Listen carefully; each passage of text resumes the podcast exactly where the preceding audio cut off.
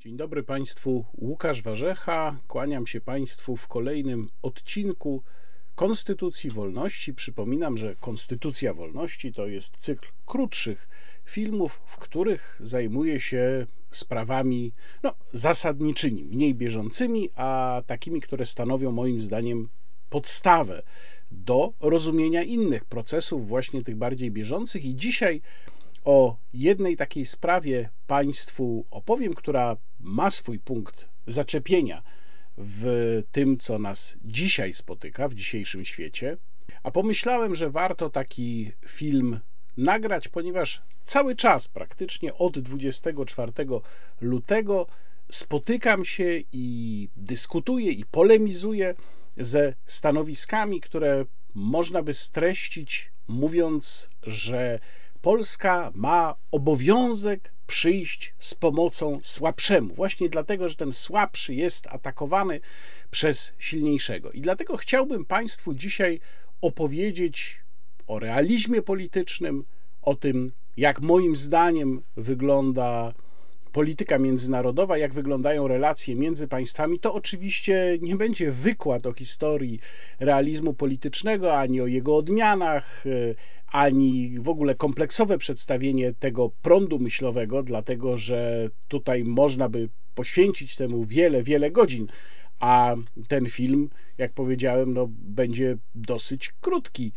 Więc tylko pewne rzeczy pozwolę sobie Państwu zarysować bardzo schematycznie, z różnymi uproszczeniami, ale też posługując się cytatami, przywołując pewne konkretne przykłady. Spójrzmy więc najpierw na historię, ponieważ przejawy realistycznego, jakbyśmy dzisiaj powiedzieli, z perspektywy już wykrystalizowanego tego prądu myślowego i sposobu patrzenia na stosunki międzynarodowe, przykłady realistycznego podejścia do stosunków międzynarodowych przewijają się, pojawiają się w ciągu wieków, chociaż pojawiają się również przejawy tego, co można by nazwać e, idealizmem, bo dziś te dwa główne stanowiska, tak w uproszczeniu można nazwać, sposoby patrzenia na stosunki międzynarodowe.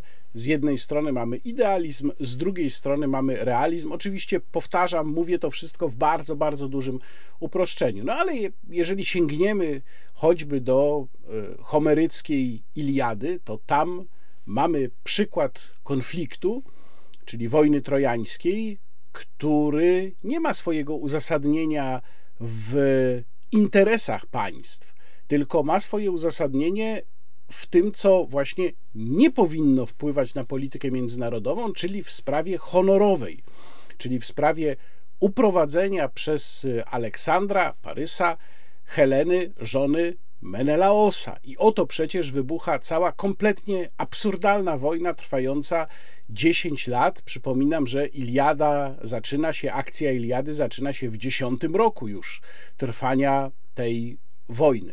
No ale mamy też w starożytności wielki pomnik realizmu politycznego w postaci dzieła Tukidydesa, wojna peloponeska. Tukidydesa, historyka greckiego żyjącego w V wieku przed naszą erą, który opisał konflikt pomiędzy e, Związkiem e, Ateńskim a Związkiem Peloponeskim, wielką, długotrwającą wojnę i opisał ją właśnie w taki sposób, który, jak dzisiaj się to czyta, pokazuje niesamowitą ostrość myślenia, a jednocześnie Mm, pokazuje te mechanizmy, które się właściwie od tamtego czasu nie zmieniły. Czyli można by powiedzieć, że Tukidydes, choć był historykiem, oczywiście nie był teoretykiem spraw międzynarodowych, to dał już wtedy wielką lekcję realistycznego spojrzenia na stosunki międzynarodowe. Mamy wreszcie jednego z największych nowożytnych filozofów, czyli Tomasa Hobbesa, E, żyjącego na przełomie XVI i XVII wieku, twórcy koncepcji lewiatana, ale także twórcy, można powiedzieć, podstaw pod koncepcję realizmu politycznego. Hobbesa, który widział środowisko międzynarodowe jako z gruntu bezładne, czyli pozbawione jakiejś hierarchii, jakiegoś e, władcy stojącego na samej górze, Mm, i tylko siła poszczególnych państw może nadać temu środowisku ład. Cztery lata temu w Teologii Politycznej co tydzień, którą zresztą Państwu polecam, internetowy magazyn, Piotr Kmila w bardzo ciekawym tekście poświęconym Hobbesowi pisał tak, i tu pierwszy dłuższy cytat. Tym, co łączy wszystkich ludzi, nie jest i nigdy nie będzie wspólna ogólnoludzka wizja dobra.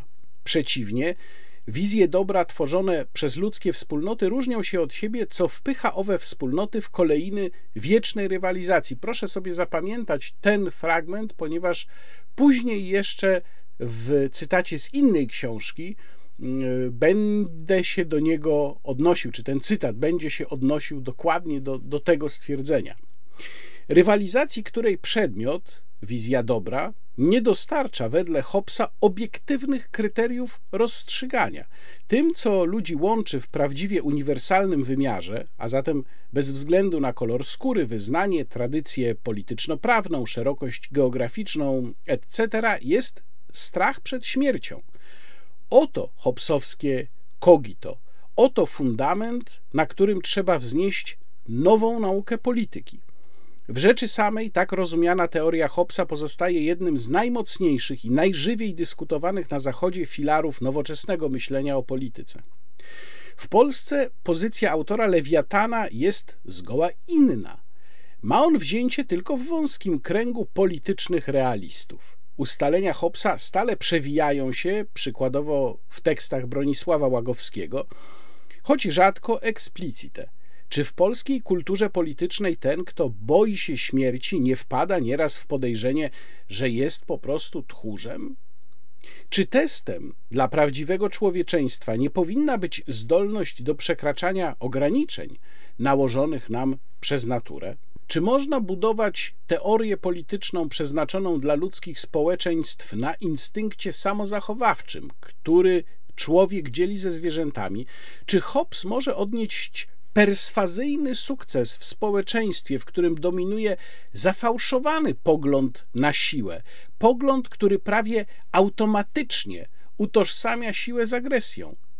W związku z powyższym utożsamieniem w umysłach wielu Polaków pokutuje przekonanie, że słabości przysługuje moralna prawość. Siła natomiast z konieczności oznacza moralną degenerację. Pozwolę sobie to jeszcze raz przeczytać, bo to jest naprawdę arcycelna uwaga, świetnie opisująca nasz sposób myślenia. A więc jeszcze raz to samo zdanie. W związku z powyższym utożsamieniem w umysłach wielu Polaków pokutuje przekonanie, że słabości przysługuje moralna prawość. Siła natomiast z konieczności oznacza moralną degenerację. Tymczasem Hobbes nie żywi wątpliwości, że siła jest jedną z największych wartości tego świata, nie tylko zresztą w sferze polityki. Bez siły, rzecz oczywista, polityka nie może istnieć. Wyciągając naukę z ustaleń Hobbesa, jedna z badaczek napisała: Trzeba być potężnym, by czynić dobro, oraz silnym, by dostarczać opieki.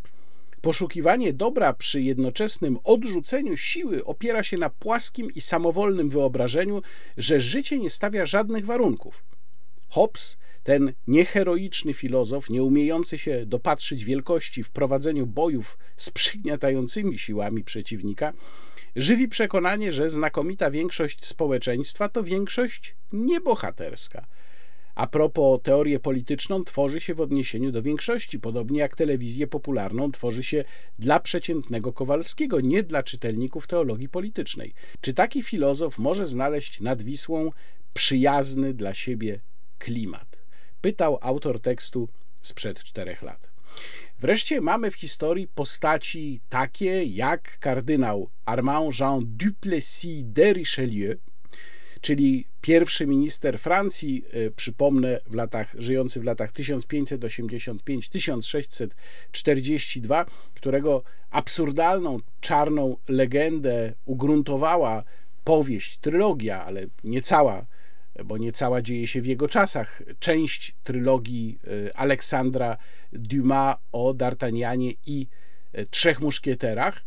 Y, natomiast ja chciałbym teraz sięgnąć, żeby przeczytać Państwu parę słów właśnie o kardynale Richelieu do takiego pomnikowego dzieła, już bardziej współczesnego mm, niż dzieła Hobbesa, Henry'ego Kissingera, do dyplomacji, którą zresztą bardzo Państwu polecam, a Kissinger jest przecież jednym również ze współczesnych klasyków realizmu politycznego i właśnie w dyplomacji Henry Kissinger pisze o Richelieu w ten sposób. Głównym motorem tej francuskiej polityki była osobistość wręcz nieprawdopodobna. Książę kościoła Armand Jean Duplessis, kardynał de Richelieu, pierwszy minister Francji od 1624 do 1642 roku. Na wieść o śmierci kardynała Richelieu papież Urban VIII miał rzekomo powiedzieć: Jeśli Bóg istnieje, to kardynał de Richelieu za wiele rzeczy odpowie. Jeśli nie istnieje, no to wiele w życiu osiągnął. To dwuznaczne epitafium z pewnością miłe byłoby uszom tego męża stanu, który doszedł do ogromnych sukcesów, ignorując, a często wręcz przekraczając podstawowe pryncypia jego czasów. Niewielu mężów stanu może chlubić się wywarciem większego wpływu na bieg historii. Richelieu był ojcem nowożytnego systemu państwowego, głosił ideę raison d'état i niestrudzenie wprowadzał ją w życie z korzyścią dla swego kraju. Pod jego kierunkiem raison d'état zastąpiło średniowieczną koncepcję uniwersalnych wartości moralnych jako zasady działania polityki francuskiej. Początkowo starał się zapobiec dominacji Habsburgów w Europie, lecz rezultatem jego polityki przez 200 lat była ambicja jego następców do przewodzenia Europie. Z niepowodzenia tych ambicji zrodziła się równowaga sił. Najpierw jako fakt historyczny, następnie jako system kształtowania stosunków międzynarodowych. Pisze o kardynale de Richelieu Henry Kissinger w swojej pomnikowej dyplomacji. A warto tutaj wspomnieć e, kolejnego kardynała i pierwszego ministra Francji, e, o którym również zresztą Aleksander Dumas w kolejnych częściach swojej e, wspaniałej trylogii, bo to rzeczywiście jest wspaniała powieść, pisze, czyli Gilles Mazarena, z pochodzenia zresztą Włocha. Kolejna postać, która w tym e, katalogu, oczywiście niekompletnym, bo tu przedstawiam tylko najbardziej znane postaci katalogu e, wielkich realistów, można powiedzieć, historycznych się przewija. To Henryk IV, czyli ten król Francji i Nawarry, który znany jest ze swoich słów Paris vaut bien une messe, czyli Paryż wart jest mszy i który zmienił wiarę po raz kolejny zresztą właśnie po to, żeby objąć tron francuski. Zresztą w ogniu bardzo gwałtownych walk pomiędzy pretendentami do mm, Królestwa Francji, do tronu Królestwa Francji. Wreszcie mieliśmy Charlesa Maurisa de Talleyrand Périgord, czyli wielkiego Talleyranda, który jako e, architekt polityki zagranicznej Francji e, służył i Napoleonowi, i potem Ludwikowi XVIII, kiedy Napoleona już nie było, więc zmieniał panów, ale jego głównym panem była właśnie raison d'état, czyli racja stanu Francji. Talleyrand był zresztą jednym z architektów Kongresu Wiedeńskiego z 1815 roku, który przecież przyniósł Europie ponad pół wieku pokoju. Z punktu widzenia czysto ludzkiej moralności, czyli tej dostosowania, której ludzie mają generalnie skłonność, również wtedy, kiedy myślą o polityce pomiędzy państwami, więc z punktu widzenia tej czysto ludzkiej moralności, no właściwie można by potępić każdą z tych postaci, ale opowiadam o tym właśnie po to, żeby pokazać Państwu, że tutaj obowiązuje inna miara. Tutaj mówimy o innym porządku. Nie możemy traktować tego, co robili czy to Talleyrand, czy Henryk IV, czy kardynał de Richelieu, miarą tego, jakbyśmy oceniali stosunki pomiędzy ludźmi, bo mówimy tutaj po prostu o mężach stanu, czyli mówimy tu o ludziach, którzy odpowiadali za państwo, którzy odpowiadali za mieszkańców tego państwa, jeszcze wtedy nie obywateli, bo nie mówimy tutaj o czasach republik, nie mówimy tutaj o czasach nowoczesnej koncepcji państwa i obywatela, ale to tak naprawdę niewiele zmienia, ponieważ to przekonanie, że władca, rządzący odpowiada nie tylko za siebie i w związku z tym nie ma prawa używać takich czysto ludzkich kryteriów do kształtowania swojego zaufania, to przekonanie towarzyszy nam już od wieków, niezależnie od tego, z jaką formą państwa mieliśmy do czynienia.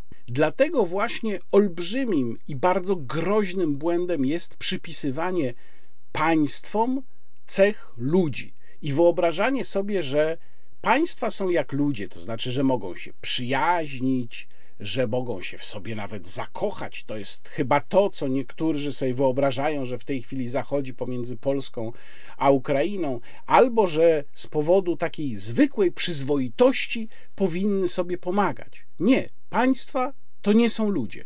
Dlatego niezależnie od kontekstu tego wystąpienia, słynne wystąpienie Józefa Beka ministra spraw zagranicznych II Rzeczypospolitej z maja 1939 roku jest i pozostanie symbolem kompletnie fałszywego rozumienia tego, jak powinna wyglądać polityka pomiędzy państwami. Mówię tutaj o tym rzecz jasna wystąpieniu. Jest jedna tylko rzecz w życiu ludzi, narodów i państw, która jest bezcenna.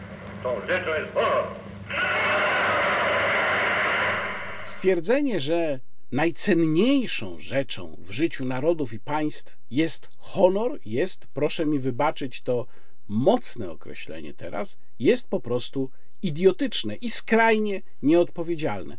Natomiast na drugim biegunie można by postawić równie słynne, no na świecie znacznie słynniejsze od słów Becka, słowa Henry'ego Templa, czyli Lorda Palmerston, dwukrotnego premiera Wielkiej Brytanii, a także wielokrotnego, nawet już nie pamiętam ile razy, jej ministra spraw zagranicznych z wystąpienia w Izbie Gmin, które to wystąpienie e, dotyczyło traktatu w Adrianopolu, zostało wygłoszone 1 marca 1840 1908 roku i na zawsze zapisało się w historii stosunków międzynarodowych za sprawą dosłownie kilku zdań, bo to samo wystąpienie jest dosyć e, długie. Do całości wystąpienia link zamieszczam w opisie filmu, ale kilka dosłownie zdań w tym wystąpieniu było wyjątkowo istotnych. A w polskich uszach te zdania, ten fragment może brzmieć jak bluźnierstwo. I ja tutaj nawet pozwolę sobie przeczytać to w oryginale, bo to ma tak niesamowite brzmienie właśnie, kiedy czyta się te słowa po angielsku. Otóż Lord Palmerston powiedział tak. Therefore, I say that it is a narrow policy to suppose that this country or that is to be marked out as the eternal ally or the perpetual enemy of England. We have no eternal allies and we have no perpetual enemies. Our interests are eternal and perpetual, and those interests is our duty to follow. Czyli, tak więc twierdzę, że przejawem ograniczonej polityki jest twierdzenie, iż ten lub inny kraj jest naszym wiecznym sprzymierzeńcem lub niezmiennym przeciwnikiem. Nie mamy wiecznych sojuszników ani niezmiennych wrogów. Wieczne i niezmienne są nasze interesy i je mamy obowiązek realizować. Teoria realizmu politycznego zaczęła być rozwijana, systematyzowana w XX wieku przez wielkich klasyków tego prądu myślenia, takich jak Kenneth Waltz, Harens y, Morgenthau, czy właśnie wspomniany przeze mnie wcześniej Henry Kissinger.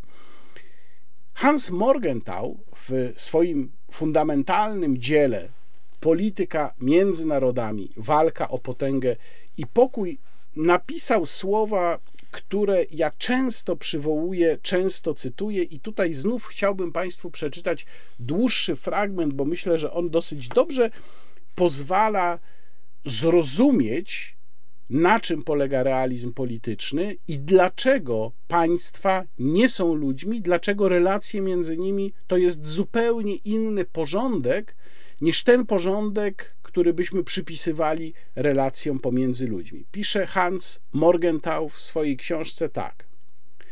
Realizm polityczny jest świadomy moralnego znaczenia działania politycznego. Jest również świadomy nieuniknionego napięcia pomiędzy nakazami moralnymi a wymogami skutecznego działania politycznego. Nie zamierza tuszować i zacierać owego napięcia, a tym samym przesłaniać istoty kwestii moralnych i politycznych, próbując przedstawiać brutalne fakty polityki jako bardziej zadowalające moralnie niż w rzeczywistości, zaś prawo moralne jako mniej wymagające. Realizm utrzymuje, że uniwersalnych zasad moralnych w ich abstrakcyjnych, ponadczasowych sformułowaniach nie można odnosić do działania państw, bowiem muszą one zostać przefiltrowane przez konkretne okoliczności czasu i miejsca. Jednostka może powiedzieć w swoim imieniu fiat justitia pereat mundus, czyli niech dzieje się sprawiedliwość, choćby świat miał zginąć. Ale państwo nie ma prawa tak powiedzieć w imieniu tych, których ma w swej pieczy. Niesamowicie ważne stwierdzenie, które powinni sobie również nasi przywódcy wyryć nad biurkiem i patrzeć na nie codziennie. Więc przeczytam je jeszcze raz.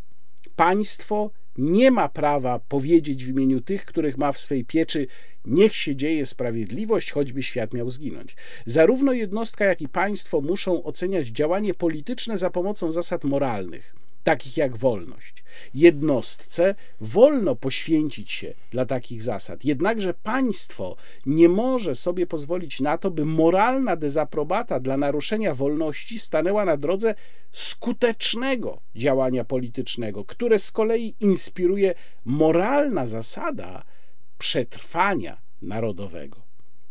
Moralność polityczna jest nieodłączna od rozwagi, czyli od rozważenia politycznych konsekwencji na pozór moralnych działań. Realizm uważa więc rozwagę, rozważanie konsekwencji alternatywnych działań politycznych za najwyższą cnotę polityczną. Abstrakcyjna etyka ocenia zgodność działania z prawem moralnym, etyka polityczna ocenia działanie po jego politycznych konsekwencjach.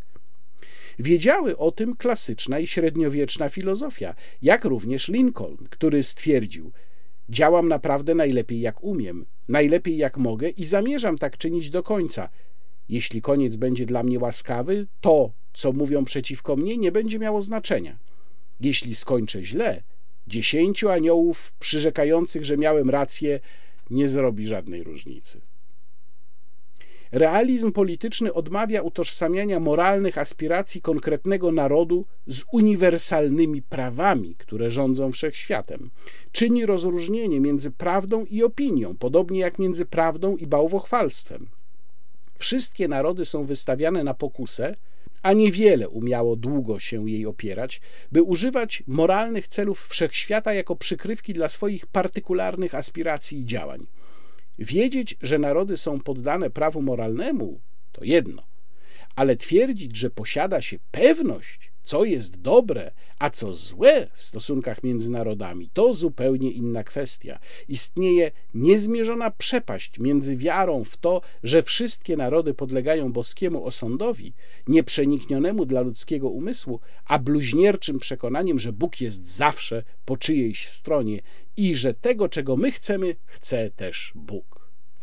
I wreszcie końcówka tego rozdziału, z którego pochodzą powyższe cytaty, bardzo ważna końcówka.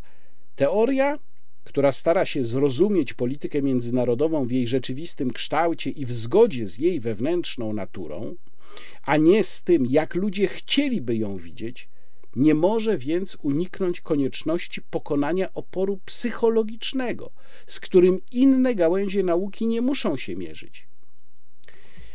To jest niezwykle ważne zdanie, bo ono pokazuje, na czym polega problem realistów.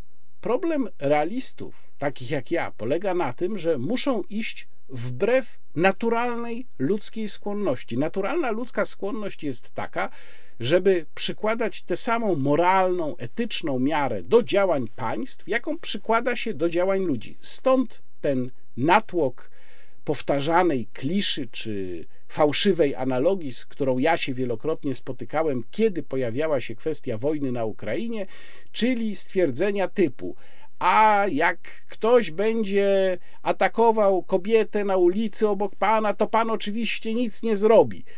To jest właśnie zupełnie fałszywe widzenie relacji międzynarodowych. Nie, proszę Państwa. Relacje pomiędzy państwami to nie są relacje między ludźmi. Państwo, które zostaje napadnięte, to nie jest kobieta, która zostaje napadnięta na ulicy. Polska nie jest facetem, który przechodzi obok i ma etyczny, moralny obowiązek coś w tej sytuacji zrobić. Polska jest państwem. Państwo ma dbać przede wszystkim o swój interes i realizować swoją rację stanu. Najcenniejszą rzeczą w życiu narodów i państw nie jest jak bredził Beck w maju 1939 roku honor. Najcenniejszą i najważniejszą rzeczą jest zachowanie państwa, jeżeli to nie jest możliwe, zachowanie narodu, ocalenie ludzi. To jest najcenniejsza rzecz i najważniejsza rzecz dla państw i dla przywódców, przynajmniej powinna być. Poszczególnym obywatelom wolno we własnym imieniu unosić się honorem, natomiast nie wolno tego robić przywódcom. Przywódcy zawsze muszą myśleć o tym, że odpowiadają za miliony ludzi. I wreszcie pamiętajmy, że ponad państwami nie ma żadnej nadrzędnej instancji, która mogłaby je nagrodzić za dobre i cnotliwe zachowanie, a ukarać jak jakiś sąd za zachowanie złe. Historię, proszę Państwa, zawsze piszą zwycięzcy, a walutą, która się liczy, nie jest moralna satysfakcja ze słusznego postępowania, tylko spokojny i pomyślny rozwój danego państwa oraz bezpieczeństwo i pomyślność jego obywateli. Bardzo Państwu dziękuję za to, że Państwo tutaj są. Dziękuję za wszystkie Państwa polubienia, subskrypcje, komentarze i przede wszystkim bardzo serdecznie dziękuję wszystkim mecenasom, którzy przyczyniają się do istnienia tego kanału. Do zobaczenia w kolejnych materiałach. Przypominam, to podwójny kontekst, to rozmowa niekontrolowana i oczywiście mój wideoblog. A także właśnie ten cykl, czyli Konstytucja Wolności. Kłaniam się Państwu, Łukasz Warzecha. Do zobaczenia.